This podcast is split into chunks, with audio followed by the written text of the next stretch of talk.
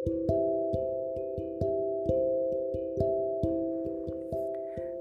dalam tubuh manusia ada segumpal darah.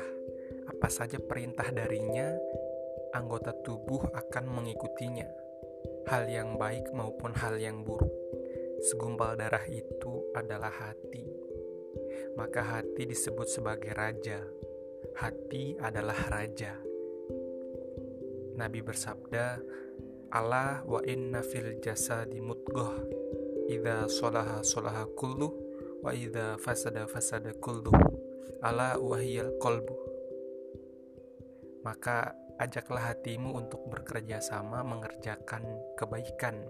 Jika tidak kamu akan mengerjakan keburukan yang fatal untuk kehidupanmu selama-lamanya.